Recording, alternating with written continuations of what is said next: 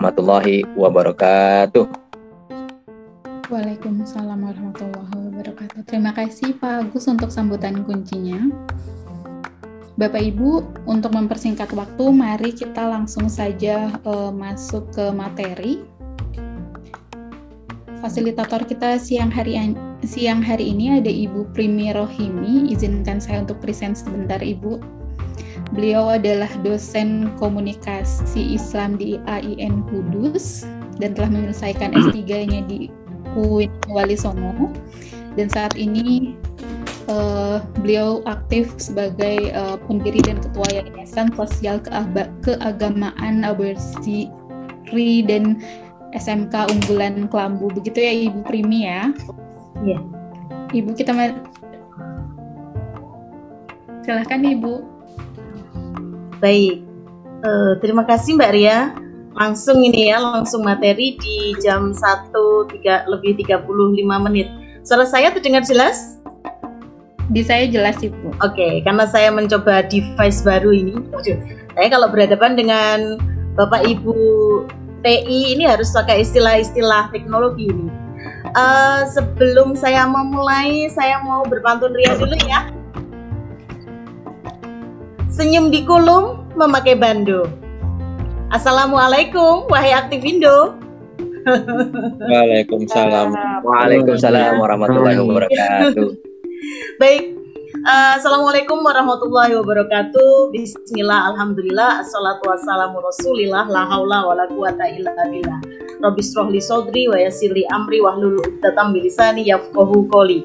Salam sejahtera untuk Bapak Ibu anggota Aktivindo. Um, Asosiasi Guru Teknologi Informasi Indonesia. Wah, keren banget ini. Dan sebentar lagi sepertinya mau ulang tahun ya, Pak ya. Uh, Oke, okay, uh, eh, saya sapa dulu yang kami hormati uh, Bapak Agus Barkah ya dari Aktivindo dan Bapak Ibu sekalian. Uh, kemudian ada dari Ma'arif, uh, dari uh, Mbak Ria, Pak Supriyadi, yang saya tahu mungkin ada yang terlewat dan yang sangat saya cintai uh, uh, dari Mavindo. Saya uh, juga relawan Mavindo. Ini yang dari Mavindo ada Mbak Niken yang selalu setia mendampingi saya. Oke, okay, Aktivindo uh, lahir sepertinya kalau nggak salah Juli 2014 ya Pak ya. Jadi nanti Juli mau ada ulang tahun nih. Semoga ada event yang uh, bisa melibatkan telar nalar juga. Baik.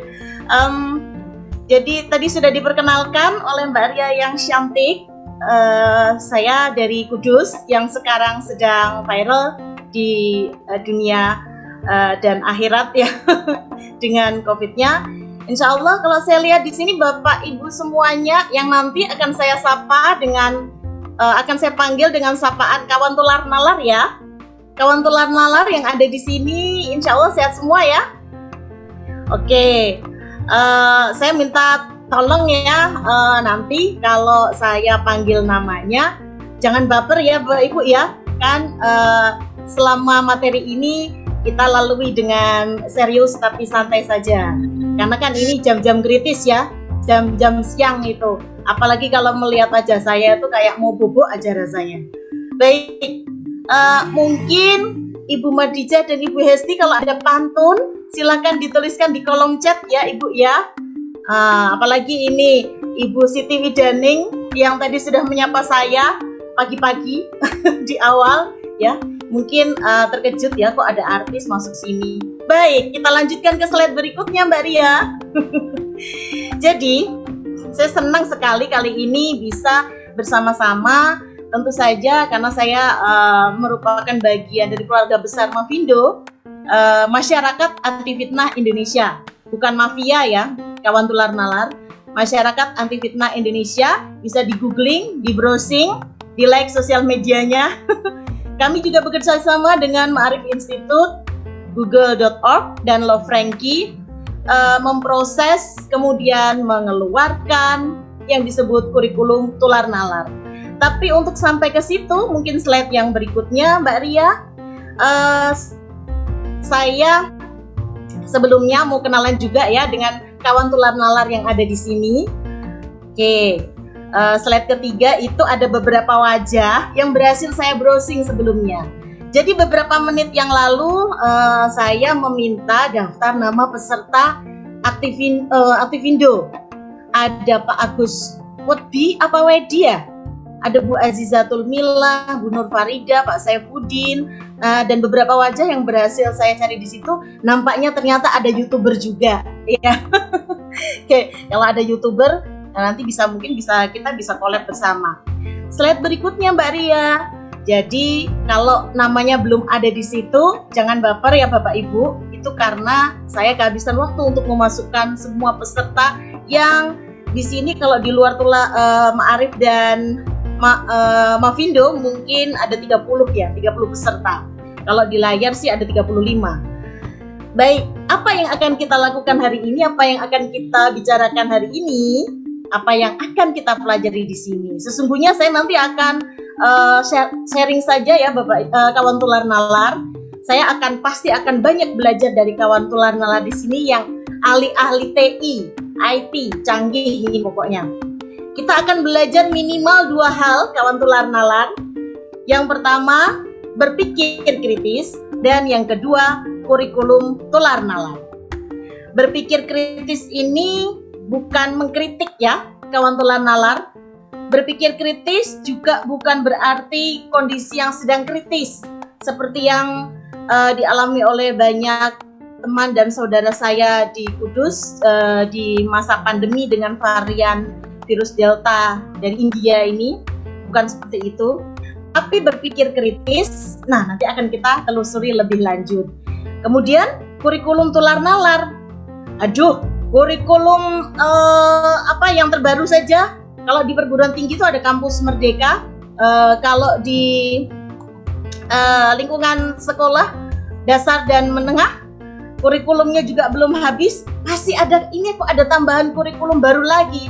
Apa-apaan ini? Gitu kan ya?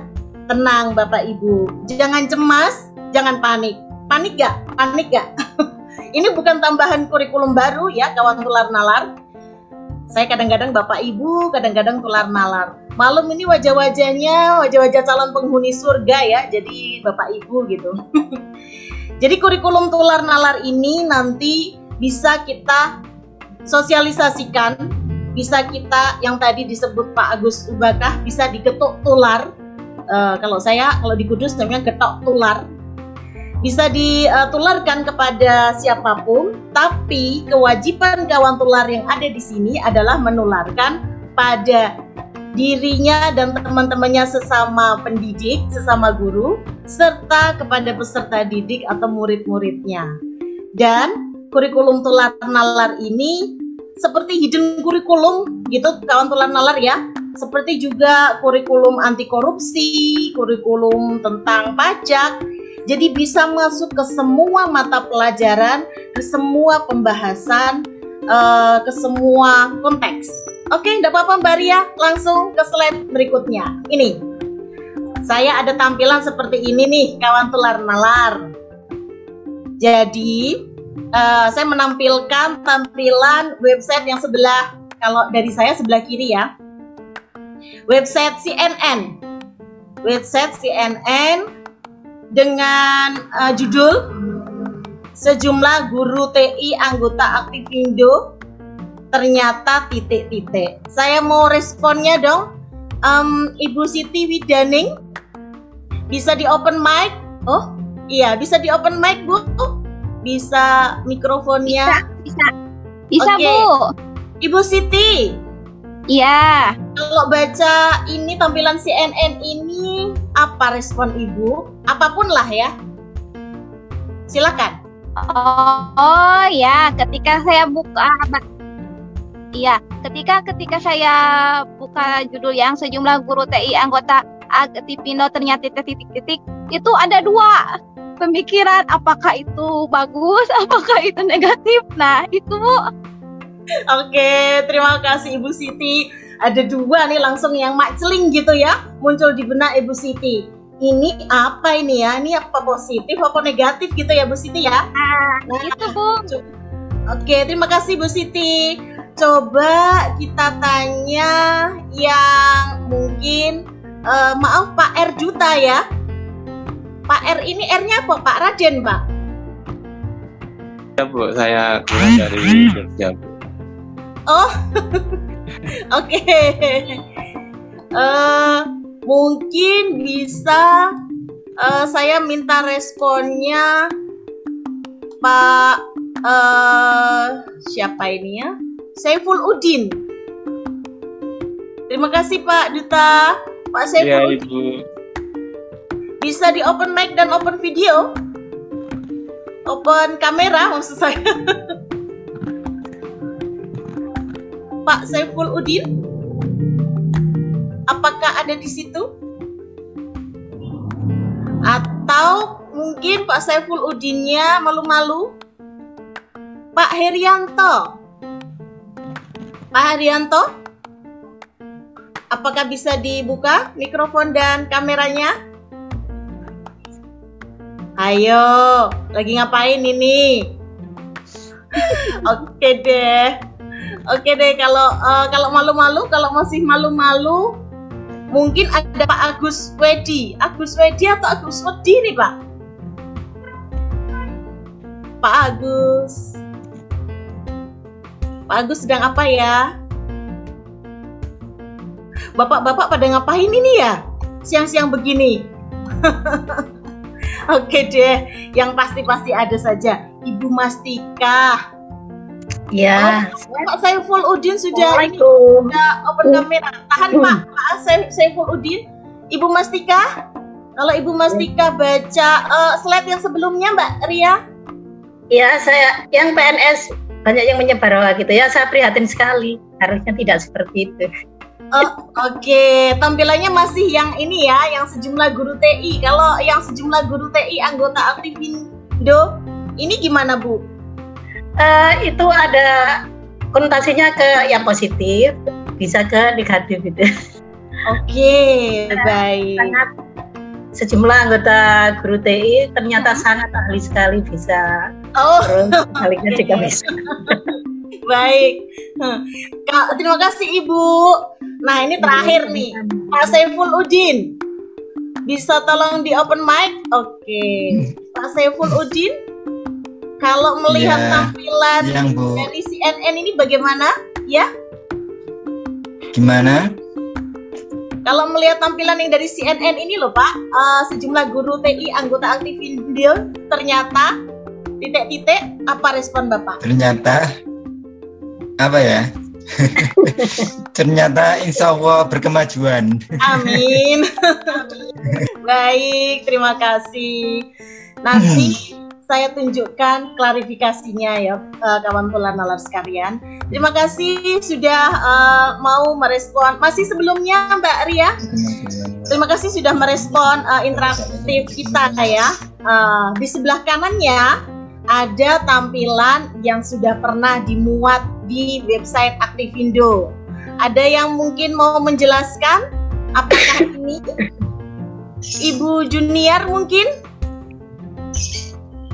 Atau Mbak Junior ya ini? Kayaknya kok wajahnya foto, foto profilnya masih imut deh. Mbak Junior? Pernah baca surat ini Mbak? Atau Pak M. Ahpas saja?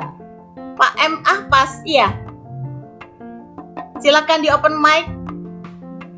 Bapak atau Mas ini pernah baca surat yang uh, ada kopinya BSNP ini Pak? Belum pernah, Bu. Pernah baca surat ini? Belum, Bu. Belum? Waduh, Belum. padahal ini ada di websitenya Aktivindo loh Pak. Saya baru gabung, Bu. Oh baru gabung, oke. Berarti nanti dibuka ya Pak websitenya Aktivindo. Saya jadi brand ambasadornya Aktivindo ini.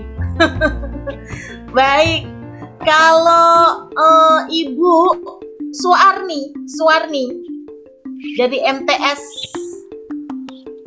Ibu Suarni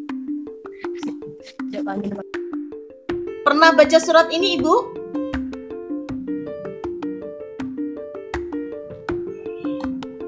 Oke, mungkin bisa di open mic.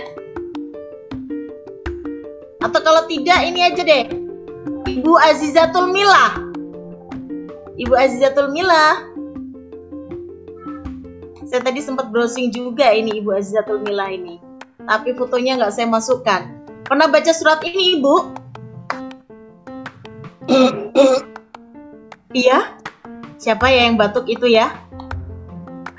ini sepertinya mungkin kalau ada yang mau merespon silakan bisa dituliskan di kolom chat ya kawan tular nalar. Jadi kawan tular nalar ini sebetulnya uh, pernah ada di uh, websitenya uh, ini ya Aktivindo uh, tentang surat ini. Nanti mungkin bisa dicek di slide berikutnya. Slide berikutnya itu jadi sebetulnya kawan tular nalar tampilan yang sebelah kiri tadi yang ada website tampilan website CNN itu hanyalah rekayasa saya. Jadi editan saya. Saya secara sederhana mengedit menggunakan Microsoft Word saja, menggunakan dokumen. Jadi saya uh, screenshot gitu ya tampilan yang ada di website CNN. Kemudian saya tambahkan tulisan sendiri. Uh, tadi kan tulisannya itu sejumlah guru TI anggota Aktivindi, bukan Aktivindo ya. Ternyata titik-titik gitu. Jadi itu sebetulnya kalau menggunakan bahasa kita pada kesempatan kali ini itu adalah pesan yang menyesatkan. Itu adalah hoax. Itu karena itu saya bikin sendiri, itu saya edit-edit sendiri. Nah, berita aslinya adalah yang seperti tampilan yang ada sekarang ini. Berita aslinya, PNS dan guru dilaporkan terbanyak sebar hoax di medsos. Itu ada di uh, bisa dicari, uh, bisa di browsing ya, ada di cnnindonesia.com. Uh, jadi uh, berita tersebut atau konten tersebut menunjukkan uh, berita keprihatinan ya sebenarnya karena memang faktanya semua orang berpotensi menyebarkan berita bohong. Semua orang berpotensi terhasut uh, informasi yang salah. Jadi menurut Badan uh, itu adalah pemberitaan uh, CNN tahun 2018 dan bukan tidak mungkin sebetulnya masih atau malah lebih parah lagi nih. Jadi Badan Kepegawaian Negara menerima pengaduan soal aparatur sipil negara atau ASN hingga guru karena diduga menyebarkan ujaran kebencian dan berita palsu di media sosial seperti di Facebook dan Twitter. Kepala Biro Humas Badan Kepegawaian Negara Muhammad Ridwan menuturkan berdasarkan data yang dihimpun uh, ada 14 aduan yang melibatkan ASN pusat dan daerah terkait dengan ujaran kebencian dan hoax Bapak Ibu uh, kawan tular nalar sekalian. Jadi Inilah kenapa tular nalar perlu diberikan di kalangan para guru karena ada penelitian, ada data seperti yang saya sebutkan tadi. Kemudian untuk soal surat yang tadi, nah so, surat yang tadi itu ini oh di websitenya Pak Fathur ya. Nah, ini saya saya berikan klarifikasinya. Jadi soal yang uh, surat yang tadi itu pernah dibahas di websitenya Pak Fathur yang mungkin bagian dari Aktivindo ya, kawan tular nalar Aktivindo sekalian. Jadi surat tersebut hmm, menjelang uh, pelaksanaan suatu momen gitu ya acara gitu, ada surat ini yang uh, ternyata banyak guru yang panik dan bereaksi.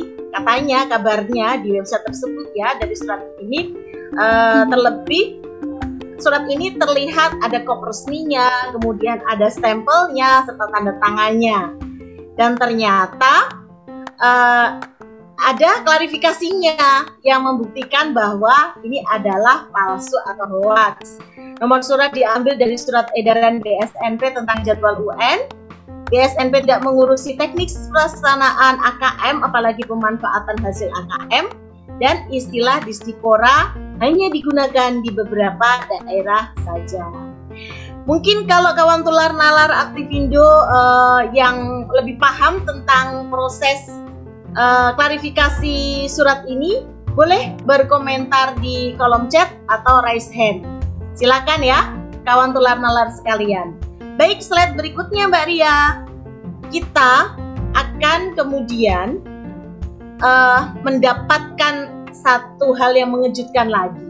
Dan ini adalah fakta terkini, kekinian saat ini, kawan tular nalar. Uh, ini jangan sampai kemudian kita viralkan karena ini adalah keprihatinan kita.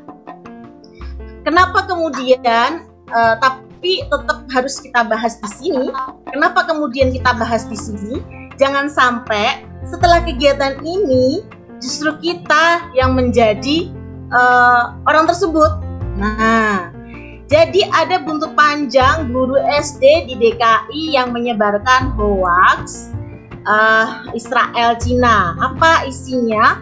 Ya, mungkin bisa di browsing juga ya. Jadi ada viral seorang guru SD di Jakarta Selatan menyebarkan hoax di pesan berantai grup WhatsApp. Nah, hati-hati kawan telan nalar sekalian. WhatsApp itu sangat memudahkan ya kita untuk uh, saling share begitu. Uh, jadi pesan berantai grup WhatsApp, WhatsApp ini menyinggung ex mantan Presiden Israel Simon Peres. Ini pemberitaan kejadiannya ini diberitakan di Mei 2021 kan masih deket-deket nih. Sejumlah pihak menyayangkan adanya penyebaran isu hoax itu Wakil Gubernur DKI, Jakarta uh, Ahmad Riza Patria meminta guru tersebut ditegur Hoax yang disebar guru SD itu diungkap oleh anggota DPRD DKI Jakarta, fraksi PDIP Imam Mahdia Imam menampilkan tangkapan layar hoaks yang disebarkan sang guru. Di kalimat yang disebarkan sang guru terlihat kalimat yang menyinggung Simon Peres dan Cina. Jadi nanti mungkin bisa uh, uh, dijadikan ini aja pelajaran saja ya. Kalau sebisa mungkin sih nggak usah ditelusuri lagi karena kan sudah saya kasih tahu ya di sini ya. Karena nanti kalau menelusuri menelusurinya akan semakin meningkatkan uh, angka kunjungan di berita tersebut ya kasihan guru itu kan ya tapi itu bisa menjadikan uh, hikmah bahwa sampai detik ini pun ya guru masih banyak yang uh, menyebarkan hoax sebetulnya tidak hanya guru sih memang tingkat tingkat pendidikan tidak menjamin uh, tingkat orang untuk berpikir kritis kawan tular nalar next slide Mbak Ria slide selanjutnya Kenapa seperti itu? Nah, kita saya juga masih bingung nih. Coba saya mau tanggapannya kawan tular nalar nanti open mic-nya ya kalau saya panggil namanya dan uh, aktifkan videonya. Yang belum saya panggil tolong dituliskan di kolom chat untuk nanti dituliskan Mbak Ria deh. Bisa ya Mbak Ria ya dituliskan di layar sini. Kenapa sampai detik ini masih ada orang yang menyebarkan hoax. Menurut Mbak Mismawati atau Bu Mismawati nih, karena kelihatannya tuaan saya, tua PD. Mbak Mismawati bisa di open mic, Mbak Mismawati. Bisa bisa. Eh, semangat banget nih. Seneng saya kalau ada peserta semangat kayak gini. Pertanyaannya apa? Cantik. Aduh. Mbak Mismawati, kira-kira kenapa Mbak? Um, mungkin mudah percaya Mbak, mudah percaya dengan berita-berita yang menarik. Mudah percaya dengan berita-berita yang menarik. Oke. Tip bisa di off kan lagi, bisa di mute lagi. Terima kasih Mbak Mismawati. Mudah percaya dengan berita yang menarik Mbak Ria. Wah Mbak Ria ini respon banget nih. Kalau Pak Zainal Arifin kok sedang pakai masker, oh foto ya itu ya. Kalau Pak Zainal Arifin menurut Bapak gimana Pak?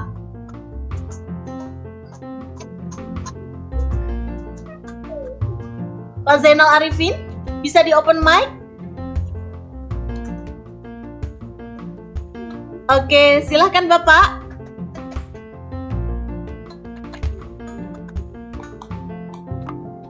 Silakan Bapak. Mungkin terkendala sinyal? Oke. Mungkin kita bisa bertanya pada Bapak Muhammad Aris ini ya? Bapak Muhammad Aris? Bapak Muhammad Aris? Oke, mungkin lanjut lagi. Ini kenapa ya Bapak-bapak? Oh, Bapak-bapak yang kelihatan di layar saja deh ya. Bapak-bapak yang kelihatan di layar ini ada Bapak ini Bapak siapa ya? Yang nama depannya Aktivindo. Uh, Pak Syah, Syah siapa ini Pak? Pak Saiful, Bu. Pak, kenapa Pak masih ada orang yang menyebarkan hoax? Ya, pertama mungkin eh, orang itu tidak punya suatu pekerjaan yang bahasanya eh, kesibukan lah, kesibukan yang yang berarti sehingga dia bisa membaca membaca hal-hal itu sehingga menarik akhirnya dia menyebarkan. Jadi itu. Pada prinsipnya sih kalau misalnya dia tidak apa punya pekerjaan biasanya dia akan eh, kalau ada berita yang eh, kurang baik itu dia akan eh, tidak langsung menyebarkan gitu itu tapi karena dia tidak punya pekerjaan gitu atau aktivitas yang menyibukkan dia sehingga dia ya oh sudah saya saya, saya seperti itu guys saya bu Oke, terima kasih Pak Saiful. Kurang kerjaan, nggak punya kesibukan gitu ya. Kerjaannya cuma rebahan. Aduh. Oh, saya banget itu loh.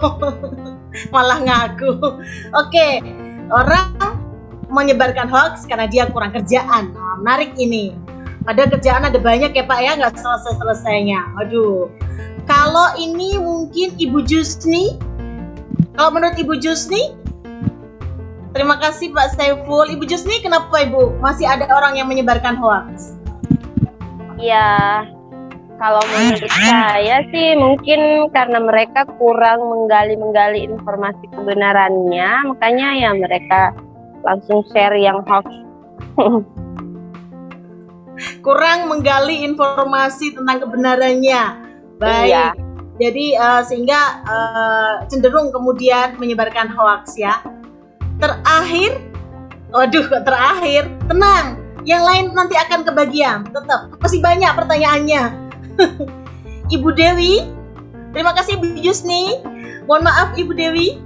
Iya. Oke, Ibu Dewi. Ya, kalau menurut saya, kenapa orang masih suka menyebarkan hoax? Karena Hmm? pertama mereka suka mencari sensasi, gemar gitu. Ya, pengen atau menjadi orang pertama yang yang menyebarkan gitu ya. Oke. Ada rasa apa gitu paling tahu dulu gitu ya. amak sih bu ya Oke betul betul banget bu bu itu ada istilahnya tuh bu jadi dia pengen jadi yang pertama kali eh, sehingga eh, me- pertama kali menyebarkan tidak mau ketinggalan itu ada istilahnya itu di Instagram tular nalar nanti bisa dikepoin istilahnya FOMO fear of missing out jadi dia ketakutan eh, kalau nanti akan ketinggalan gitu kan dia jadi yang duluan gitu menyebarkan Sehingga Walaupun itu belum membuat- yakin, ya pokoknya sebar dulu ya. Iya, betul sekali. Terima kasih Ibu Dewi. Terima kasih Mbak Ria. Kita simpan data-data ini sebagai kenang-kenangan. Waduh. Nih, kalau masih ada orang yang menyebarkan hoax, berarti masih ada dong orang yang percaya dengan hoax. Slide yang berikutnya Mbak Ria. Nah, pertanyaannya nih, kenapa? Udah tahu ya mungkin itu hoax kok masih saja percaya? Atau mungkin jangan-jangan dia nggak percaya ya. Kenapa masih ada orang yang percaya dengan hoax? Slide yang sebelumnya, Mbak. Em, siapa ya ini kira-kira yang bisa saya tanya? Eh, Pak Duta ya. Tadi Pak Duta kan anggota Aktivindo ya? Iya Bu, Oh. saya dari Jakarta. Oh dari Jakarta. Oke. Kenapa Pak masih ada orang yang percaya dengan hoax kira-kira? Ya sebenarnya kalau kenapa orang masih percaya dengan hoax satu memang salah satu eh, intinya adalah yang bersangkutan itu sebenarnya memang dia tadi juga digambarkan dengan Pak Saiful dia tidak memiliki pekerjaan. Kemudian yang kedua eh, dia belum bisa merubah mindset dari pada saat dia belum menggunakan perangkat dari teknologi informasi. Ya, sebenarnya teknologi informasi itu sejak dulu sudah ada bu. Namun ya mereka itu kadangkala jadi kalau mereka tidak punya teknologi informasi dulu kan namanya pager kan Oh, bu, bisa bu. nah Oh, yang pager bunyi. eh, lebih Nah, lebih Kenapa bisa? kalimatnya sama berita hoaknya namun kalau pager itu tidak se separah saat kita menggunakan teknologi informasi apalagi dalam masa pandemi ya kan Masa pandemi itu sangat kritis, Bu. Orang sudah banyak pekerjaan, kehilangan pekerjaan, kemudian kehilangan status mereka. Akhirnya dia untuk merubah bagaimana dia mendapatkan sesuatu. Kalau kita sebagai guru, saya yakin guru-guru di sini di seluruh Indonesia memiliki kemampuan untuk uh, berpikir kritis bagaimana berita hoax itu disaring uh, tidak hanya satu kali bu kalau saya pasti tiga kali saringnya Waduh. apakah benar-benar itu berita yang sangat bagus buat kita yang harus kita tularkan kepada anak didik kita kalau bagus berarti kita harus tularkan tapi sebelum kita tularkan kita harus cross check apakah data itu valid atau tidak ini menurut pandangan saya Bu Primi Terima kasih Bapak, saringnya sampai tiga kali ya. Jadi Iya. kenapa orang masih percaya hoax? Karena teknologinya zaman dulu dan sekarang beda. Sekarang juga masa pandemi. Sebetulnya uh, guru-guru itu uh, sudah memfilter kok ya. Uh, tapi mungkin uh, masih ada orang lain begitu ya yang masih percaya dengan hoax. Terima kasih Bapak. Kalau Bu Desi Ayoningsih mungkin punya pendapat yang berbeda atau mungkin di sekitarnya pernah ada eh, atau pernah punya pengalaman kenapa kok masih percaya dengan hoax? Ibu Desi bisa di open mic? Baik Bu, terima kasih. Ya, menurut saya kenapa ada orang masih percaya hoax?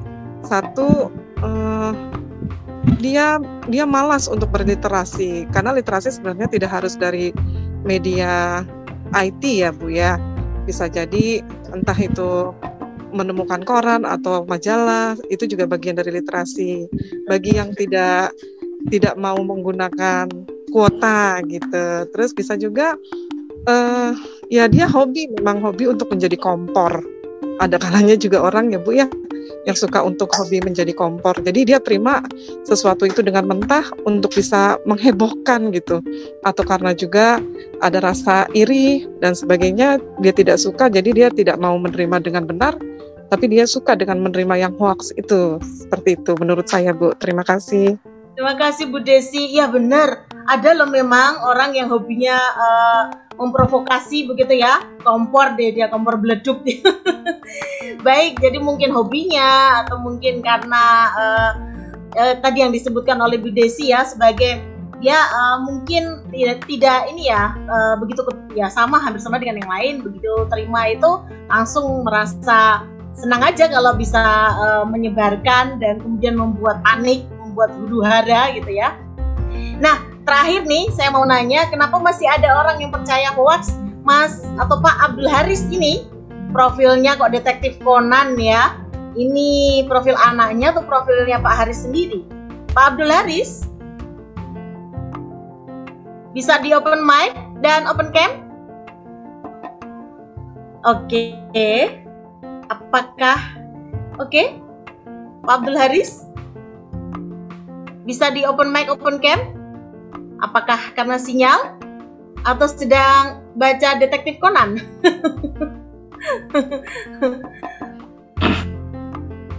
Iya?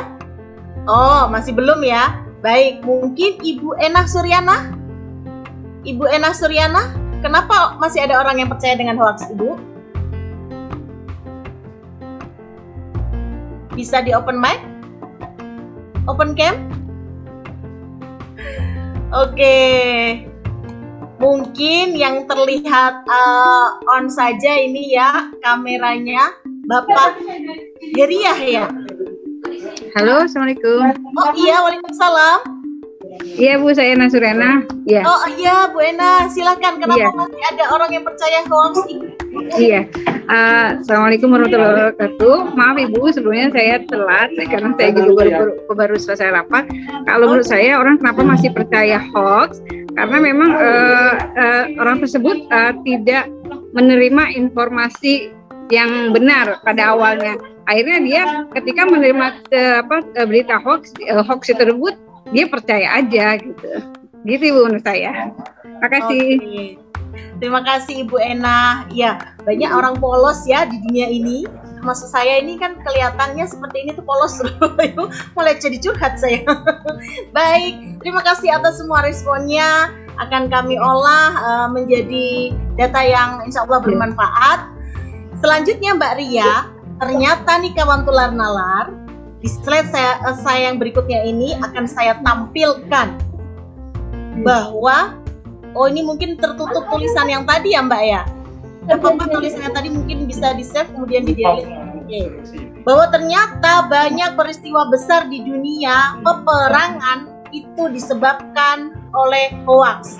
Baik itu hoax yang sepele maupun hoax yang betul-betul didesain, disetting, direkayasa dengan serius agar terjadi perang tersebut. Dan itu sejak jadul, sejak zaman dulu, sejak sebelum Masehi. Ada propaganda Octavianus, ada hoax bulan agung, ada perang orang Afrika berkulit putih, ada perang dunia satu, perang dunia dua, kemudian ada revolusi Rusia, perang Irak, kemudian eh, kekacauan atau konflik yang ada di Mesir, perang saudara Suriah, eh, konflik yang ada di Rusia dan Ukraina, pemilu di Amerika Serikat, pemilu di Kenya, skandal Cambridge Analytica, dan masih banyak lagi eh, kawan tular nalar sekalian. Itu itu data yang valid ya karena saya dapatkan mendapatkan data itu dari Litbang Kompas uh, referensinya saya sertakan di situ dan bisa di browsing sendiri oleh kawan tular nalar. Ternyata sebegitu parahnya hoax. Jadi hoax itu tidak sekedar orang kemudian jadi tersesat informasinya, tersesat jalannya, tidak, tetapi justru bisa semakin menghancurkan kondisi. Begitu parahnya hoax. Mari kita coba cari. Tolong kawan tular nalar dibuka mesin pencariannya. Untuk slide yang berikutnya Mbak Ria, kita coba cari. Selain peperangan, ternyata ada kerusuhan di Indonesia yang juga disebabkan oleh hoax. Banyak kerusuhan di Indonesia yang disebabkan oleh hoax. Uh, mungkin bisa di browsing sekarang, kawan tular nalar, dibuka mesin pencarinya, mungkin yang ada di handphone atau di laptop bisa sambil mencoba menggoogling atau mem membrowsing gitu ya kerusuhan Indonesia dengan kata kunci kerusuhan Indonesia karena hoax. Nah itu algoritma tiap orang pasti beda-beda nih algoritmanya. Coba yang dari tadi belum siapa ya kira-kira Ibu Mardija? Ibu Mardija sudah Pernah saya tanya belum ya? Bisa di open mic Ibu? Di open mic dan open cam, hasil pencariannya apa Ibu? Kerusuhan Indonesia karena hoax. Assalamualaikum, uh, baru buka sebentar ya Bu. Oke, masih proses ya. Jadi kalau cuman kerusuhan gitu, mungkin ada banyak ya, tapi ini spesifik kerusuhan karena hoax. Oke. Okay. Bu. Iya, Wamena Kerusuhan Wamena pecah. Kerusuhan Wamena. Iya, ada lagi mungkin selain yang Wamena? Hasil pencariannya? Bapak Heria? Mungkin hasil ya, pencariannya Ibu. ada? Ya, Ibu. Halo. Iya, Bapak. Ya, punten Ibu. Assalamualaikum. Waalaikumsalam, Bapak. Ini pakai nama Herya Ibu punten Ibu. Oke. Okay. Kerusuhan Indonesia karena hoax ini banyak sekali Bu ya. Uh -uh. Ya di antaranya insiden kerusuhan di tanah air dipicu berita hoax. Iya. Ya sangat banyak sekali. Di Wamena. Hmm. Rusuh di Papua di Papua. Oke. Okay. Ya, ada lagi yang lain? Wamena lagi. Wamena. Ini disuruh baca atau disuruh nyari berita hoax, Bu? Uh, dilihat saja, Bapak. Lihat aja ya. Selain Wamena apa saja? Ya barangkali suruh belajar bikin hoax gitu. Oh. Enggak. Masa belajar bikin hoax, Bapak? Lah iya. Mending banyak mending, yang untung itu ibu dengan hoax mending belajar bikin yang lucu-lucu aja ya pak biar oh, imunnya oh, gitu. naik iya, iya. Ya. oke okay, iya, baik ibu.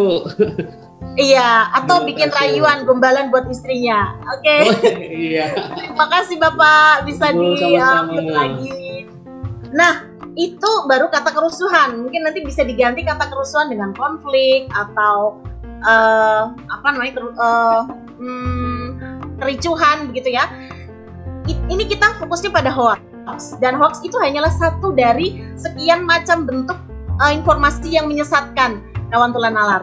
Slide yang berikutnya Mbak Ria yaitu nah ini ada uh, pesan ya yang ada di Instagram tular nalar sebelum masuk ke tular nalar masih diberpikir kritis jadi ada data, ada penelitian, ada di sini ada statistik yang uh, mungkin yang terbaru, yang lebih terbaru ada ya, bisa dicari di website VR Sosial ya di Hotsuite.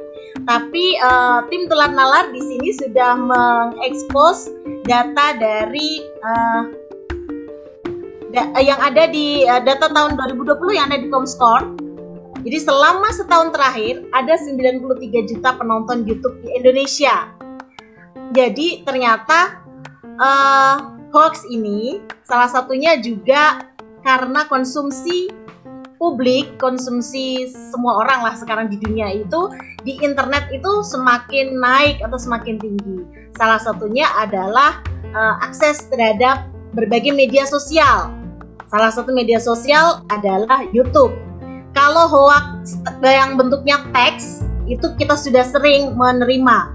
Hoax yang bentuknya gambar apalagi tuh. Kan ada banyak gambar-gambar yang nggak mudah diedit ya. Uh, tapi ternyata hoax juga ada yang berbentuk video kawan tular nalar dan itu banyak juga kita jumpai di YouTube. Uh, itu kenapa? Karena memang penontonnya semakin banyak dan tadi ada yang menyampaikan orang itu kadang-kadang senang hal-hal yang menarik-menarik seperti itu. Hoax itu kan selalu memicu ketertarikan ya, kekepoan. Nah, dan ternyata parahnya lagi ada 800 ribu situs penyebar hoax di Indonesia. Ini sumbernya jelas dari pemerintah, dari Kominfo. Bayangkan Bapak Ibu, 800 ribu situs itu bentuknya seperti apa? Banyak banget ya kan? Dan ternyata Instagram adalah media sosial nomor satu untuk cyberbullying, bullying atau uh, banyak uh, cyberbullying yang uh, kemudian dilakukan melalui Instagram terjadi di Instagram.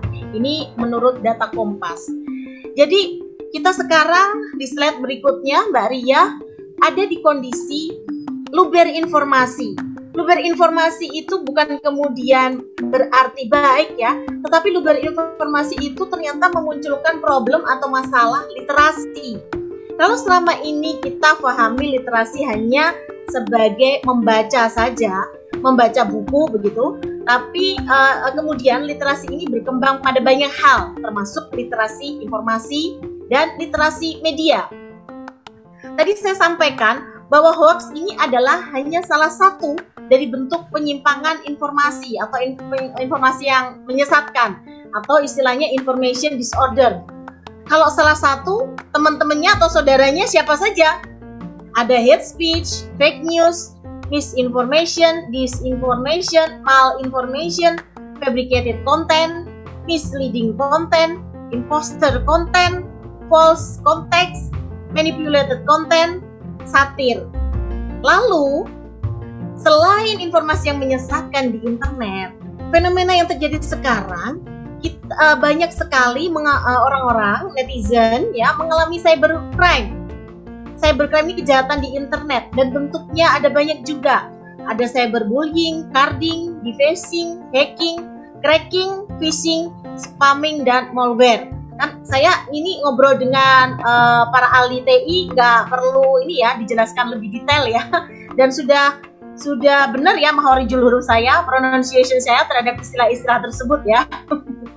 nah, jadi perkembangan teknologi ternyata tidak dibarengi dengan peningkatan level literasi media dan daya berpikir kritis. Jadi setelah ditelusuri yang penyebab yang tadi eh, kawan Tulan Narar sebutkan tadi, itu ternyata penyebab yang paling fundamental, yang paling mendasar adalah kurangnya literasi media, dan daya berpikir kritis. Maksudnya begini kawan telan nalar. Jadi tingkat pendidikan bisa tinggi, bisa selevel doktor, profesor, tapi mereka bisa saja literasi medianya rendah. Ketika ada informasi tidak dibaca baik-baik, hanya mendapatkan sensasinya saja, tidak dibaca sampai akhir. Percayalah kawan tular nalar, saya ada di grup-grup yang di dalamnya maaf ada dokter dan profesor yang juga menyebarkan hoax. Maaf, saya sambil minum sebentar. Alhamdulillah. Silakan kawan telan lalar bisa dinikmati hidangan dan minuman yang ada di sebelahnya masing-masing. dan juga berpikir kritis kawan telan lalar. Uh, jadi mungkin tingkat uh, level kesarjanaannya tinggi gitu ya. Wajahnya juga terlihat intelek seperti saya, tetapi uh, punya hati yang polos. Jadi kalau ada informasi pasti baik, pasti benar, pasti bermanfaat. Nggak tahu kok ternyata itu hoax. Lalu bagaimana? Ada satu yang kemudian menjadi problem. Ternyata kurikulum di sekolah maupun di perkuliahan itu masih kurang memberikan penekanan pada literasi media dan berpikir kritis ini. Karena kan uh, sejak dulu kita cenderung di doktrin, uh, ditunjukkan dogma gitu ya, sehingga uh, kurang mengkondisikan atau berpikir kritis ini kemudian uh, belum cukup gitu. Nah, dari tadi saya ngomong berpikir kritis, berpikir kritis. Apa sih yang disebut dengan berpikir kritis? Bisa di slide selanjutnya, Mbak Ria, itu ada sedikit dari sekian banyak referensi tentang berpikir kritis. Di sebelahnya itu ada bukunya, mungkin bisa dijadi bisa dicari di loka market atau di uh, pasar online ya. uh, ada referensi hmm, dari Cohen, uh, Critical Thinking Skills for Dummies. Jadi berpikir kritis adalah seperangkat keterampilan dan pemahaman, termasuk kemampuan untuk bermain dengan kata-kata, sensitivitas, untuk menangkap konteks, emosi, dan perasaan dan keterbukaan pikiran untuk menjadi kreatif dan mendapatkan pandangan baru. Itu definisi berpikir kritis. Kalau kita bedah satu persatu variabelnya, seperangkat keterampilan. Jadi berpikir kritis itu tidak hanya di benak kita, di hati kita, tetapi skill kawan tular nalar. Itu adalah skill. Kalau skill berarti ada teknologinya, ada tekniknya, dan teknik itu bisa dipelajari oleh siapa pun. Dan ini kita sedang darurat infodemi, ya banyak informasi yang uh, menerpa kita tanpa kita minta, tanpa bisa kita hadang, kita bendung, tanpa bisa kita pilih dan pilah. Maka ini darurat, darurat untuk literasi media. Kawan tular nalar khususnya guru TI ini jadi tanggung ya jadi yang bertanggung jawab ini untuk memberikan skill keterampilan literasi media. Nah, skill apa sih? Bermain kata-kata. Makanya tadi saya buka dengan pantun. Kalau kawan tular nalar uh, apa namanya kesulitan untuk membuat pantun, sering-sering berlatih, sering-sering baca. Bisa nanti uh, eh, wa dengan saya ya kita berbalas pantun. Atau mungkin kalau sudah ada yang bisa bikin pantun di sini, tuliskan di kolom chat. Nah, itu lebih baik gitu. Akan menginspirasi uh, kemampuan untuk bermain dengan kata-kata, sensitivitas untuk menangkap konteks. Nah, jadi sekarang saat ini yang sedang marak apa sih? Uh, seperti di Kudus ini sejak awal mula grafik uh, pasien COVID meningkat itu banyak banget ya, banyak banget uh, informasi yang menyesatkan yang tentunya tidak bisa saya klarifikasi hanya dengan hanya dengan uh, browsing di internet. Saya harus bertanya pada orang-orang yang memang uh, disebutkan di situ gitu. Jadi betul sekali tadi ke, kalau ada yang menyebutkan literasi itu tidak hanya dari internet. Ke, kalau dikatakan bisa dari koran, dari majalah, bisa juga kita bertanya langsung pada orangnya. Kita telusuri, kita investigasi, kita kayak detektif gitu. Detektif informasi. Dan kalau kita melakukan itu dan kok berhasil, uh, rasanya puas kawan tular nalar. Kita bisa mengidentifikasi informasi yang salah menyesatkan atau salah separuh. benar, tapi separuh saja yang benar. Ada bagian, ada part yang salah. Kemudian kita uh, sebarkan, kita tunjukkan uh, dengan tujuan untuk mengklarifikasi. Ini loh informasinya yang benar seperti ini. Itu kalau dalam uh, uh, Islam disebut sebagai dakwah itu karena menyebarkan uh, klarifikasi yang baik dan benar. Nah, uh, juga menyentuh pada sisi emosi. Kadang-kadang informasi itu kenapa kemudian disebarkan karena kita sudah emosi duluan. Wah, ya benar ini. Ini harus disebarkan ini. Kalau tidak bahaya ini kan gitu. Uh, lalu, nah ini keterbukaan berpikir. Jadi kita uh, memang banyak yang karena sudah uh, tertutup ya pada satu kecondongan tertentu sehingga kemudian tidak menangkap kebenaran dari uh, yang lain gitu. Definisi berpikir kritis berikutnya dari Cottrell. Maaf. Jadi uh, menurut Cottrell, berpikir kritis adalah pembelajaran untuk berpikir secara kritis, analitis dan evaluatif di mana terjadi proses yang melibatkan mental seperti pengamatan, kategorisasi, seleksi, dan menilai. Itu definisi dari Cottrell. Slide yang berikutnya, Mbak Ria. Terima kasih. Nah, kawan tular nalar, tadi saya sudah menyebutkan berbagai macam uh, ini ya teman-teman dan saudaranya hoax. Ada yang disebut kemudian misleading content. Apa sih misleading content itu? Ini contohnya ya. Ini uh, pernah ada gambar foto uh, hashtag double hashtag berakhir pahit double hashtag SK Gubernur dicabut detik-detik Jokowi umumkan pemecatan Anies itu ternyata salah misleading konten klarifikasinya seperti apa? Bisa kawan tular nalar buka cekfakta.com nah di situ ada banyak klarifikasi-klarifikasi. Itu adalah misleading konten kemudian ada lagi yang false context. Uh, ini bentuknya video loh kawan tulan nalar. Video apel persiapan lockdown DKI itu juga ternyata sebetulnya bukan persiapan lockdown bukan apel persiapan lockdown DKI apakah itu? Silakan dicari di cekfakta.com lalu ada lagi jenis uh, information disorder berikutnya atau informasi yang menyesatkan atau menyimpang. Manipulated content. Ada gambar artikel CNN Indonesia lawan pengaruh Banser, Angkatan Laut Amerika Serikat akan kirim tambahan kapal induk ke US Indo. Pacific Command. Nah, itu adalah manipulated content.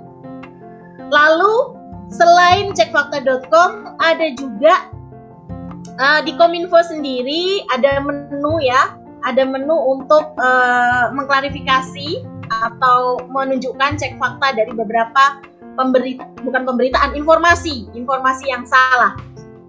Ada uh, bentuknya disinformation contohnya itu ya. Bersihkan hidung dengan cairan infus untuk hasil swab tes negatif. Wah ini ada banyak banget ya. Kemarin ada ramuan air kelapa dan dan lain-lain gitu ya untuk uh, obat covid. Terus ada lagi juga kemarin itu ceramah seorang anggota Polri yang uh, apa namanya uh, divideokan itu ya. Itu bagian potongan dari ceramah yang kemudian dipotong di bagian tertentu sehingga pemahaman orang jadi salah. Sudah juga diklarifikasi. Itu juga ada contoh uh, akun WhatsApp yang akun WhatsApp yang ini juga ya yang salah juga. Nah slide yang berikutnya Mbak Ria. Uh, tenang kawan telar nalar sebentar lagi selesai. Selain cekfakta.com ada banyak sekali website ya yang menginisiasikan dirinya yang meng, uh, memberikan ya memberikan fasilitas cek fakta ada detik.com tempo tempo.co kompas.com gitu ya. Dan uh, tentu saja ini website-website ini bisa diakses masih bisa diakses. Uh, kita bisa kalau ada informasi kita bisa buka website-website tersebut. Tapi kita juga bisa langsung uh, pakai jalan ninja ya. Set yang berikutnya Mbak Ria. Jalan ninjanya adalah kalau itu bentuknya uh, foto foto yang kita terima uh, di WhatsApp atau di media sosial atau di, dari mana pun itu kita simpan kemudian kita masukkan ke Google Image kita masukkan ke Google Image nanti uh, kawan tular nalar sekarang bisa dicoba. Mungkin ada gambar uh, di beberapa grup circle masing-masing ya yang ini kok kayaknya mencurigakan gitu ya uh, bisa dicek di Google uh, Google Image atau Tin Eye di Yandex, di uh, Bing, DukDuk dan lain sebagainya. Itu kalau uh, kita mau pakai uh, mesin pencari uh, kawan tular nalar. Kalau selain itu ada banyak cara sebetulnya, ada banyak alat. Slide yang berikutnya Mbak Ria, kita uh, kawan tular nalar bisa menggunakan atau memasang tools Boxbuster Tools di HP-nya masing-masing. Dicari dicari saja di uh, Play Store ada Hoaxbuster Tool atau teman-teman bisa menyimpan nomor ini, nomor WhatsApp kalimat saja dari Mavindo. Jadi Mavindo itu punya banyak alat untuk memeriksa fakta karena Mavindo adalah website pemeriksa fakta pertama di Indonesia yang sudah kemudian sudah terverifikasi dunia internet di internasional yang pertama juga. Uh, bukan karena saya relawan Mavindo ya, tapi memang setahu saya dan itu sudah sangat terkenal sekali. Kalau kawan tulang lalar belum kenal dengan Mavindo, uh, tolong diperiksa pulsanya atau pakai datanya masing-masing, bisa buat browsing. karena ketika ngetik Mavindo pasti langsung keluar deh. Nomor itu silakan disimpan. Kalau kawan harus disimpan malah ya, dan aplikasinya harus malah uh, ini kayak hoax yang beredar harus sebarkan viralkan harus hoaxbusternya harus dipasang aplikasinya kalau kawan tulan nalar ada informasi masukkan uh, di WA saja nomor tersebut. Nanti ada langkah-langkah atau ada step-stepnya. Atau yang paling mudah yang mungkin yang paling cepat ya itu tadi dimasukkan ke search engine atau mesin pencari. Jadi misalnya bentuknya kata-kata nih di, di disalin semuanya aja salin tempel di uh, di Google atau di mana gitu ya di mesin pencarinya. Kalau itu berupa foto fotonya kalau itu berupa video di screenshot kawan terlalar screenshot kemudian di save kemudian dimasukkan ke mesin pencari atau kalau semuanya masih kesulitan masih tidak menampilkan hasil pakai kata kuncinya foto itu menampilkan apa misalnya foto itu menampilkan uh, Syahrini sedang selingkuh dengan Donald Bebek. Berarti Syahrini selingkuh Donald Bebek. Nah, dimasukkan di mesin pencari. Atau kalau masih juga belum ada, kemungkinan memang belum terklarifikasi. Maka kawan tulan nalar jadilah yang pertama untuk menelusuri informasi tersebut. Jadi kita tidak bisa berjalan sendiri kawan tulan nalar karena bagaimanapun juga uh, musuhnya Batman itu lebih banyak dari Batman. Jadi Batman perlu teman-temannya, Superman dan kawan-kawannya untuk kita sama-sama hmm, menanggulangi hoax yang ada, meminimalisir, mencegah itu kasihan kalau efeknya rumah tangga jadi berantakan hanya gara-gara hoax. Nah, baik slide yang berikutnya Mbak Ria. Maka saya selalu mengingat apa yang dikatakan oleh Abraham Lincoln kalau menurut siapa ya yang ini kira-kira belum? Uh, Bu Nur Diana. Ah, Bu Nur Diana kalau melihat gambar ini uh, apa reaksi Bu Nur Diana? Ya, reaksinya mengingat uh, sejarah ya dari wajah-wajahnya. Oke, okay. uh, menurut Bu Nur Diana Gambar ini mengatakan apa sih, Bu? Gambar pertama paling atas itu masalah ya. uh, kota ditemukannya internet yang yang sering tidak tidak benar ya. Gimana Ibu? Halo. Iya, saya yang ini agak ada gangguan uh, gambar pertama itu mengenai masalah uh, kuota yang ditemukan di jaringan internet uh -uh. yang biasanya tidak benar. Oke, okay. apakah tulisan yang ada di sebelah gambar orang tersebut adalah yang dikatakan oleh orang tersebut? Don't believe everything you read. Iya. Ya. Jadi tulisan itu kata-kata Abraham Lincoln.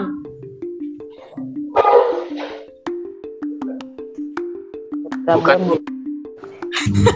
Pak Saiful jangan bocorin dong. biar Bu ini jawab. Terima kasih Bu Nurdiana dibantuin sama temennya ini. Terima kasih Bu Nurdiana. Ya, lah, ya. Kita akan tanggung jawabannya Pak Saiful. Gimana Pak Saiful? Maksudnya apa tadi? Silakan. Emang Abraham Lincoln udah ada internet, Bu? iya. iya, kawan telan nalar hati-hati ya. Kalau ada kata-kata di sebelah foto orang atau di bawah foto orang atau di atas foto orang atau di foto gambar orang atau gambar figur gitulah ya. Ada foto orang atau gambar orang di sebelahnya ada kata-kata. Kemudian di bawahnya ada nama orang tersebut nama orang dan orangnya mungkin benar, tapi kata-katanya tunggu dulu. Apakah kata-kata itu dari orang tersebut? Masa ya Abraham Lincoln bilang the problem with quotes on on the internet is that they are often not true. Oh, saya mau pamer bagaimana saya spelling bahasa Inggris saja sih sebenarnya. Jadi ya, benar. masalah masalah orang quote uh, itu adalah tentang benar atau tidak itu loh. Padahal kan waktu Abraham Lincoln masih hidup, ya kan, masih seger buger, kan belum ada internet. Abraham Lincoln tidak me, ini tidak hidup di masa internet, belum ada internet, jadi dia tentunya belum tahu kosakata internet itu sebetulnya. Jadi tidak mungkin itu kata-kata Mbah Abraham Lincoln. Semoga tenang di sisinya Pak. ini bukan buat lucu-lucuan, tapi ini buat hikmah ya Pak. itu. Don't believe everything you read on the internet just because there is a picture with a quote next it. Jadi jangan percaya apa yang dikatakan, apa yang tampak ya. Jadi kalau ada foto orang kemudian di sebelahnya ada tulisan seolah-olah itu kata-kata orang tersebut itu jangan langsung percaya belum tentu itu kata-kata orang tersebut jadi ini ini dan ini bisa diperiksa keuntulan lalar jadi uh, bisa di googling bisa diketik di mesin pencarian uh, keuntulan lalar sekalian. Abraham Lincoln uh, internet gitu. Mungkin pakai kata kunci Abraham Lincoln internet gitu. Nanti akan keluar bentuk-bentuk uh, gambar-gambar seperti ini. Gitu ya. Atau mungkin ini di screenshot atau di foto pakai HP-nya HP-nya kantoran nalar masing-masing. Kemudian di crop ya dipilih atau nggak usah di crop lah. Langsung dimasukkan ke Google Image nanti akan keluar bahwa akan keluar klarifikasi bahwa ini bukan kata-kata Abraham Lincoln. Dan ini bukan ya kalau anak zaman sekarang nyebutnya lucu-lucuan ya. Kalau saya lucu-lucuan nanti tidak tersinggung Abraham Lincolnnya. Kalau saya menyebutkan menyebutkannya hanya sebagai hikmah saja ya bahwa uh, foto kita nih uh, kawan tulan lalar kayak foto saya ya kan. Mungkin karena foto jenik seperti ini bisa kok direkayasa uh, nanti oleh Bu Jusni atau Bu Mastika itu untuk menyebutkan satu kata-kata tertentu. Baik terlalu lama memang diberpikir kritis karena begini kawan tulang nalar. Di slide berikutnya Mbak Ria. Secanggih apa pun device atau perlengkapan atau alat kalau mindset kita pemikiran kita, mental kita tidak mental yang berpikir kritis, mindset yang curiga nih, ini jangan-jangan nih, jangan-jangan, maka alat-alat itu tidak ada gunanya kawan tulang nalar gitu. Jadi yang perlu dikedepan, dikedepankan nanti ke para peserta didik murid-murid jangan langsung jangan uh, percaya begitu saja apa yang disampaikan oleh media gitu. Sebenarnya juga jangan percaya pas langsung begitu saja apa yang disampaikan oleh gurunya ya, tapi nanti itu uh, jadi bahaya nanti. Ya kan? Kadang-kadang kan guru bilang apa gitu muridnya percaya saja. Bahkan murid-murid itu lebih, percaya dengan gurunya loh daripada dengan orang tuanya. Sungguh terlalu itu. Begitu dahsyatnya guru ya sehingga murid itu lebih percaya guru daripada orang tuanya. Ya itu memang hebatnya guru gitu. Baik. Nah uh, maka dari itu maka ada program tulang lalar yang merupakan tadi sudah di sebetulnya kenapa saya me, agak sedikit ya mungkin memberikan porsi penjelasan tentang tulang lalar uh, karena Baria tadi sudah menyampaikan uh, dengan begitu lengkap sesungguhnya apa itu program tular nalar. Program ini merupakan inisiatif dari Ma'arif Institute, Mavindo, Lo Frankie yang didukung oleh google.org yang menyediakan materi pembelajaran tentang berpikir kritis dan literasi media. Jadi menyediakan materi pembelajaran. Kawan tular nalar yang berprofesi guru dan apa pun tidak perlu kemudian browsing-browsing nanti aku mau ngomongin apa ke anak-anak gitu ya. Sudah sudah ada di situ lengkap semuanya. Dan Tulang Nalar ini menyediakan kurikulum online ya dan sumber belajar yang menarik dan mudah digunakan baik bagi dosen, calon guru dan siswa. Saya kan saya sendiri juga dosen dan ini juga saya sampaikan ke uh, setiap uh, mata kuliah yang saya ajarkan. Uh, tulang nalar ini uh, ada berbagai jenjang ya dengan kompetensi literasi media yang dapat diasah sesuai dengan konteksnya. Next Mbak Ria, mungkin saya, nanti saya bisa diingatkan saya sampai jam uh, berapa karena saya kalau sudah ngobrol bisa bertahun-tahun. Lama banget ya bertahun-tahun. Seperti tadi sudah disampaikan oleh Mbak Ria ada website Tular Nalar tampilannya, tampilan brandanya seperti ini. Silakan kawan telar nalar untuk membuka websitenya uh, dengan uh, tular diketik saja di address barnya ya atau di mesin pencarinya tular nalar gitu atau tularnalar.id. Apakah ada yang kesulitan untuk membuka websitenya tular nalar? Uh, silakan dibuka, kemudian disebarkan, diviralkan. Waduh. Jadi maksud saya kawan tulan nalar tidak perlu uh, lagi kemudian uh, menambah kesibukan begitu ya. Ini bisa dilakukan sambil melakukan apa pun. Tapi harus disebarkan, harus ditularkan. Karena apa? Karena kawan tulan nalar sudah mendapatkan satu satu formula. Satu formula sudah mendapatkan hidayah gitu ya. Maka tolong disebarkan. Uh, itu tampilan berandanya Kemudian bisa teman-teman klik menu-menunya. Ada belajar online, uh, ada untuk pengajar, kemudian ada tentang kalau masih kurang jelas tentang Mavindo, Ma'arif, Frankie, dan apakah hanya uh, Aktivindo yang uh, bermitra dengan Tulan Lalar ada banyak sebetulnya ya yang bermitra dengan Tulan Lalar bisa diketik di tentang kami atau bisa di browsing-browsing slide yang berikutnya ini ya benar ini adalah uh, ramuan. Ini adalah output yang ada yang dihasilkan oleh para perumus atau konsorsium tular nalar yang kemudian langsung bisa kawan tular nalar nikmati. Yaitu tadi ya website uh, website tentang website tular nalar itu. Kemudian ada 8 video kurikulum ada online course seperti ini ya webinar-webinar online course kemudian uh, ada satu set kurikulum beserta lesson plan-nya apa yang harus disampaikan, istilah penjelasan istilah-istilah tertentu, kemudian evaluasinya. Uh, kami fasilitator sebelum menyampaikan ini kepada kawan tular nalar, kami juga di training, ada training of trainersnya. Dan uh, dari training ini kami juga tidak sekedar menularkan informasi ini pada peserta yang ada di forum-forum tular nalar tetapi kepada publik ya. Misalnya seperti saya ada grup WA PKK saya sampaikan ke grup WA PKK RT saya gitu. Ke mahasiswa saya juga ke bimbingan saya ke para alumni saya sampaikan. Kemudian ada offline activities ada siaran dan talk show di radio. Slide yang berikutnya Mbak Ria slide yang ke-23 ini adalah delapan kompetensi dalam tular lalar. Kompetensi ini uh, kecakapan ya atau uh, keterampilan begitu yang sesuai dengan tahapannya dalam kurikulum ini. Yang pertama mengakses informasi, kemudian ada kompetensi mengelola informasi, yang tahapan level berikutnya mendesain pesan, lalu di atasnya lagi memproses informasi, kemudian berbagi pesan, Level yang berikutnya membangun ketangguhan diri dan kompetensi di level berikutnya yaitu perlindungan data dan kompetensi yang terakhir adalah kolaborasi.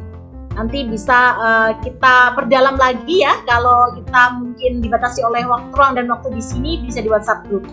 Slide yang berikutnya Mbak Ria itu adalah jadi kalau teman-teman perhati, uh, kalau kawan tulan lala perhatikan delapan kompetensi tadi itu saya warnai ya, ada warna yang berbeda-beda karena kompetensi yang tadi itu mewakili tiga aspek utama tular nalar atau tiga level. Level yang pertama adalah tahu, yang di atasnya adalah tanggap, dan top level adalah tangguh. Tahu bermakna aktivitas memperkuat dan mengembangkan diri literasi media digital. Jadi yang ada di level atau di aspek tahu ini adalah kompetensi mengakses informasi dan mengelola informasi.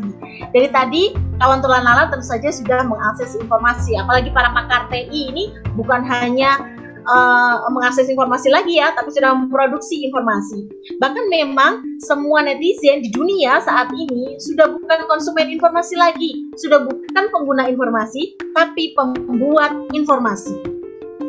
Kemudian kalau yang level tanggap, tanggap bermakna mampu merespon dan menjawab isu terkait uh, dunia literasi digital.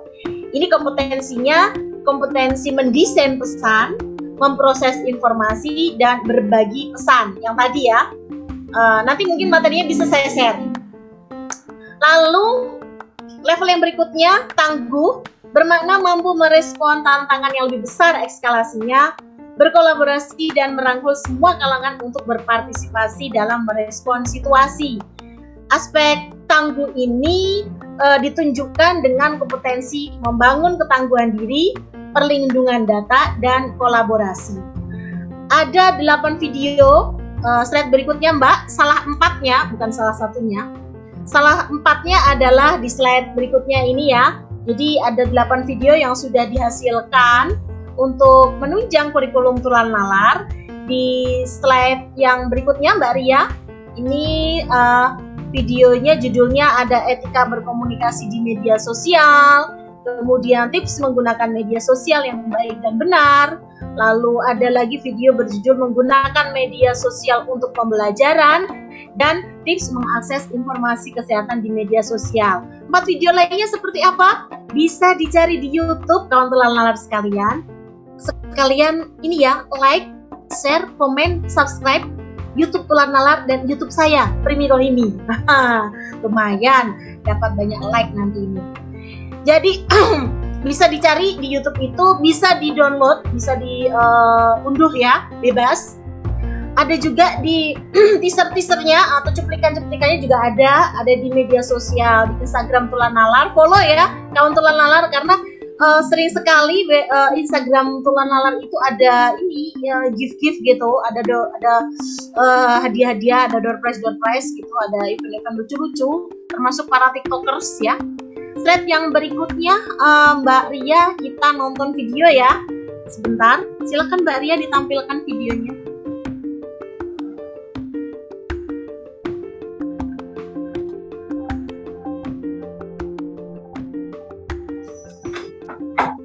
Kok malah masuk kamar?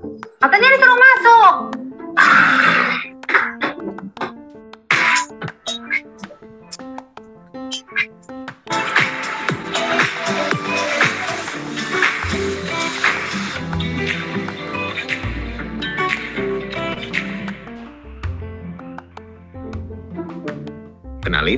Ini Bob. Udah pada tahu kali gue kan terkenal. Dia sombong. Udah langsung ke intinya aja, durasi. Oh iya, maaf. Selamat datang di Literasi Digital Tular Nalar. Ini Bob. Dan ini Mentari.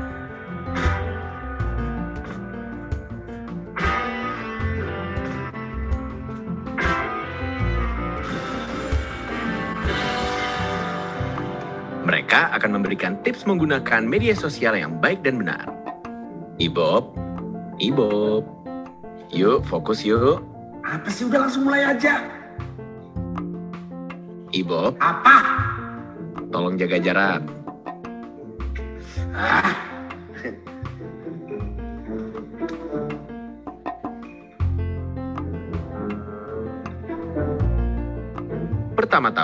Sebelum menggunakan media sosial, kamu harus tahu media sosial itu apa. Menurut UNESCO Media and Literacy in Journalism Handbook, sosial media adalah layanan daring untuk menciptakan interaksi sosial, membangun hubungan, mengolah, dan menyebarkan berbagai macam informasi.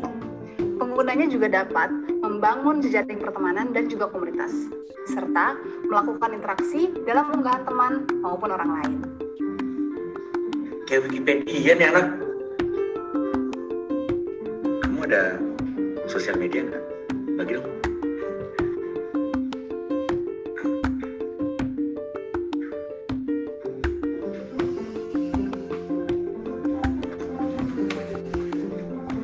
Mentari, Eh, Bob, aku punya hadiah untuk buat aku? Iya. Ini? Wow, makasih, Bob. Setelah kamu mengetahui apa itu media sosial, kamu juga perlu tahu cara untuk mengakses dan mengelola media sosial dengan benar.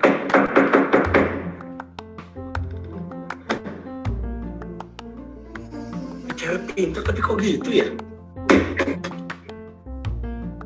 Langkah pertama, bermedia sosial. Pelajari cara mengaksesnya. Gunakan data pribadi asli untuk bergabung di media sosial. Jangan yang palsu. Nama lengkap kamu siapa? Mentari pagi bersihnya Nah, kamu juga bisa menggunakan fitur-fitur utama di setiap media sosial yang kamu pakai. Bob, kok ini nggak bisa sih? Itu kamu harus masuk dulu baru bisa diakses.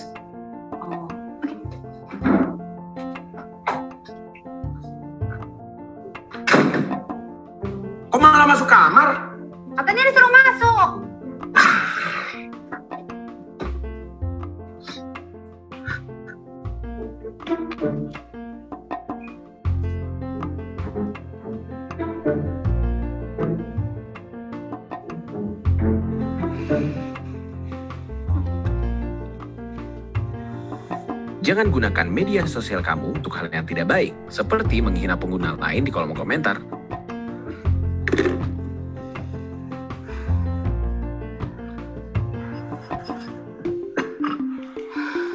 Bob, lo harus tahu. Gue baru putus sama cowok gue seminggu yang lalu. Sekarang dia udah update sama cewek lain, Bob. Kesel banget gue, Bob. Kenapa sih cowok tuh kayak gitu, Bob? Lo juga kayak gitu kan? Hah? Ngaku lah sama gue, ngaku. Kelola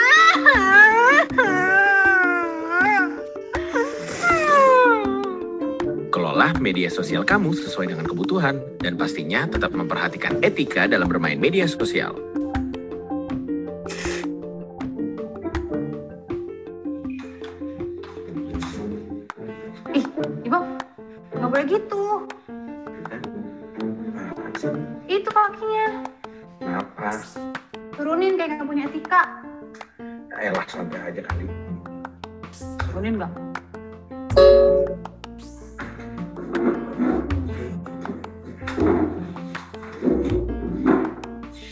Terima kasih sudah menonton video ini.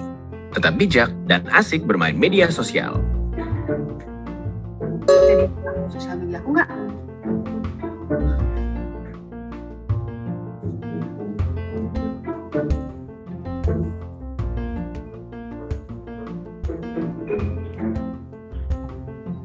Baik, terima kasih Mbak Ria. Bu Hoirotun kok eh, nontonnya sambil tegang gitu ya? Sambil baca apa itu? Sambil baca atau ini ya website literasi eh, eh, telan nalar mungkin ya. Cari video kelanjutannya. Bu Bu Hoirotun tegang, Pak Ahpas gelap ini karena backgroundnya langit-langit ini. Baik, eh, jadi nanti kawan tular nalar silahkan eh, menyampaikan harus bukan silahkan harus menyampaikan kepada murid-muridnya bisa dengan menayangkan video tersebut. Ini kalau kalau tak kawan tular nalar perhatikan video ini disertai dengan JBI juru bicara isyarat ya. Eh, juru bahasa isyarat juru bicara isyarat kan? Jadi salah gara-gara Bu Mastika sih. Aduh kok Bu Mastika ada juru bahasa isyaratnya. Karena memang tular nalar ini juga menjangkau teman-teman kita yang disabilitas. Jadi jangan khawatir, eh, mereka pasti juga bisa mendapatkan literasi media dengan kurikulum tular nalar ini. Kalau ada di sekitar kawan tular nalar, yuk rangkul mereka bersama-sama kita menjadi pegiat literasi media eh, dengan tular nalar, dengan materi-materi dari tular nalar yang free, gratis, tidak berbayar gitu. Terus gimana cara menyampaikannya? Di slide berikutnya Mbak Ria, saya berikan tadi Mbak Ria uh, sudah sudah menyampaikan ya bahwa kali ini uh, mungkin nanti ada simulasinya. simulasi apa yang kemudian tindak lanjutnya. Jadi kawan tular nalar bisa menggunakan uh, materi yang ada di website tular nalar yang bagian belajar online maupun untuk pengajar ada yang 30 menit durasinya, ada yang 15 menit atau bisa jadi kurang. Artinya begini, caranya gimana sih menyampaikan uh, materi itu? Uh, diputar di ditayangkan videonya, ya kan? Video tadi durasinya sekitar 5 menitan lah ya. Video video yang lainnya bisa kurang dari 5 menit. Jadi uh, estimasi 15 menit ini 5 menit pertama pemutaran video. Kemudian 5 sampai 10 menitnya ajaklah murid-murid untuk berdiskusi gitu ya. Uh, pilih 1 sampai 2 poin pertanyaan. Ajaklah mereka untuk berpraktek bersama-sama untuk mengakses media sosial. Wah, lo itu sih mereka sudah jago, Bu. Seneng banget. Iya, memang mereka jago dan seneng. Tapi kita lihat perilaku mereka ketika mengakses media sosial.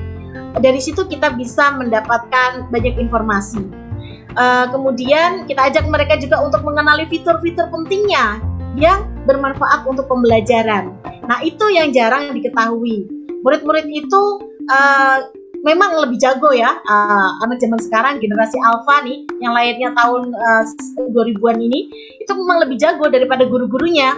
Tetapi mereka jago memanfaatkan saja. Mereka jago sebagai user. Mereka tidak bisa melihat uh, makna di balik um, fasilitas tersebut bahwa fasilitas tersebut ternyata bisa menunjang pembelajaran. Lalu pilih satu tema, ajaklah partisipas partisipan atau muridnya ya menggunakan kata kunci untuk uh, mengeksplorasi tema tersebut. Mintalah bercerita dari hasil penelusurannya. Ibu Junior videonya macet-macet? Oke, memang sengaja ngeles ini saya. Sengaja biar Ibu Junior mengunjungi YouTube kami sehingga algoritma pengunjung di YouTube Nalar naik, meningkat. Nanti bisa bisa di browsing, Bu. Uh, mudah kok, uh, mudah ditemukan, gitu ya. Kemudian pilih satu konten positif, bagikan pada media sosial masing-masing, tetapi tambahkan kalimat pengantar pada status untuk memberi konteks pembelajarannya. Artinya, uh, guru juga tidak melepaskan begitu saja ya, mendampingi, kemudian uh, memberikan uh, penekanan pada hal-hal yang positif. Kegiatan ini tidak harus dilakukan uh, seluruhnya, tapi uh, karena tiap guru itu punya seni, metode mengajar masing-masing yang berbeda-beda juga. Siap Bu, siap Bu Junior. Nah, ada yang 30 menit juga ada ya. Kalau yang di, di 30 menit itu ada di website Telan Lalar, silahkan dikunjungi lebih detail lagi langkah-langkahnya. Uh, last but not least, tuh last but not least ya. Dua slide terakhir, ini slide pesan dari kami. Ada di Instagram Telan Lalar. Tanggapi berita yang beredar di dunia maya ingat untuk mengklarifikasi benar atau salahnya. Kalau benar, pastikan itu kebenarannya. Kalau salah, harus juga ditunjukkan salahnya di mana, cantumkan referensinya juga. Uh, dari tadi saya juga sudah mencontohkan ya di setiap bawah gambar itu saya cantumkan linknya.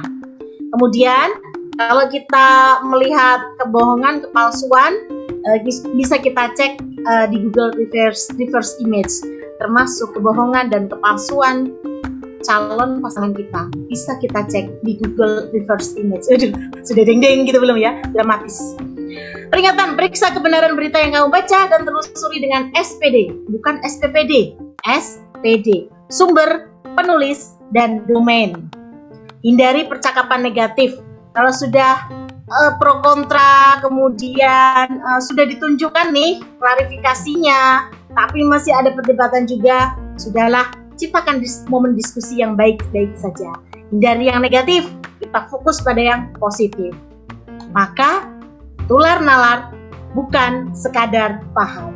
Terima kasih atas perhatiannya semua kawan tular nalar di Aktivindo. Saya mohon maaf apabila ada kata-kata saya tingkah laku saya, wajah saya yang menyinggung atau intonasi saya. Mungkin tadi saya juga menyapanya kurang tepat atau mungkin saya menyapa di saat yang kurang tepat juga. Ya, namanya juga saya kan manusia ya, bukan bidadari begitu yang turun dari taksi sehingga banyak kesalahan. Wallahul muwaffiq ila aqwamit thoriq, billahi taufik wal hidayah. Uh, saya terbuka dengan segala pertanyaan. Kalau saya tidak bisa menjawab, mungkin akan saya jawab di lain kesempatan dengan teknik ngeles-ngeles yang berikutnya. Wassalamualaikum warahmatullahi wabarakatuh. Saya kembalikan kepada Mbak Ria. Terima kasih Mbak Ria. Waalaikumsalam warahmatullahi wabarakatuh. Terima kasih Ibu Primi. Saya masih cengir-cengir jadinya. Seru banget Ibu uh, ngikutin kelas dari Ibu Primi. Bapak Ibu kalau ada yang mau bertanya atau menanggapi silahkan kita masih ada waktu sekitar lima menit untuk diskusi.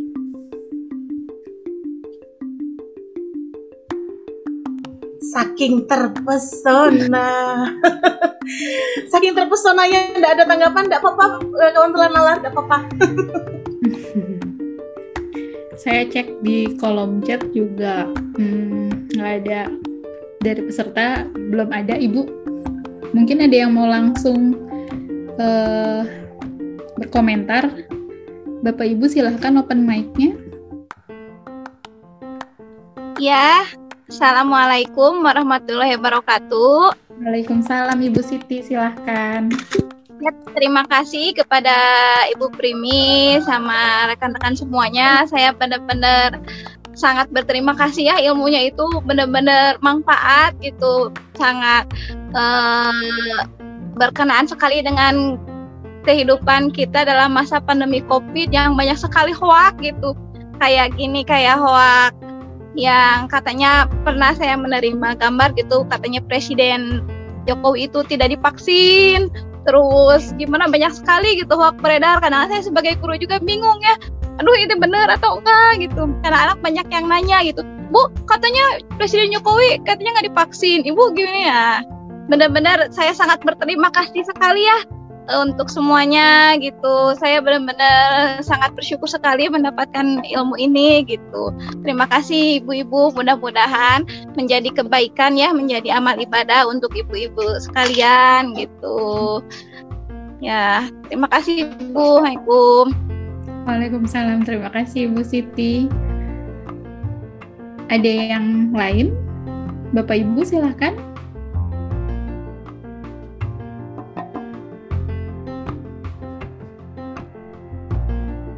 Sepertinya udah nggak ada Ibu. Udah jelas banget apa yang Ibu sampaikan. uh, atau kita tutup aja untuk diskusinya Ibu langsung nggak apa-apa ya? Uh, mungkin terakhir Mbak uh, okay, Ria. Jadi hmm. kawan lalar sering bingung mungkin ya bagaimana menyikapi, bagaimana cara mengklarifikasi, bagaimana etikanya.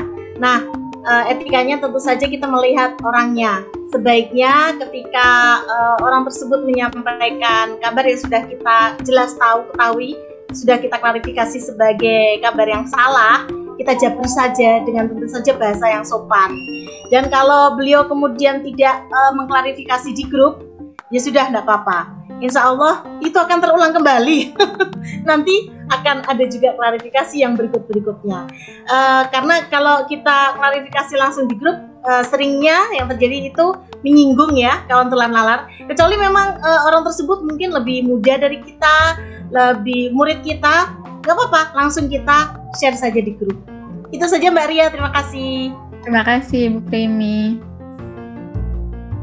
Baik Bapak Ibu, Uh, karena sudah tidak ada tanggapan atau pertanyaan dari Bapak Ibu, uh, kita tutup untuk kelas sore hari ini. Tapi mohon untuk tidak meninggalkan room dulu karena saya masih uh, saya mau share satu uh, slide lagi. Bapak Ibu, kami minta untuk mengisi link uh, post test dan evaluasi. Uh, informasi linknya sudah saya share di kolom chat. Bapak Ibu bisa mulai isi dari sekarang. Kita masih punya waktu sekitar 5 menit untuk mengisi.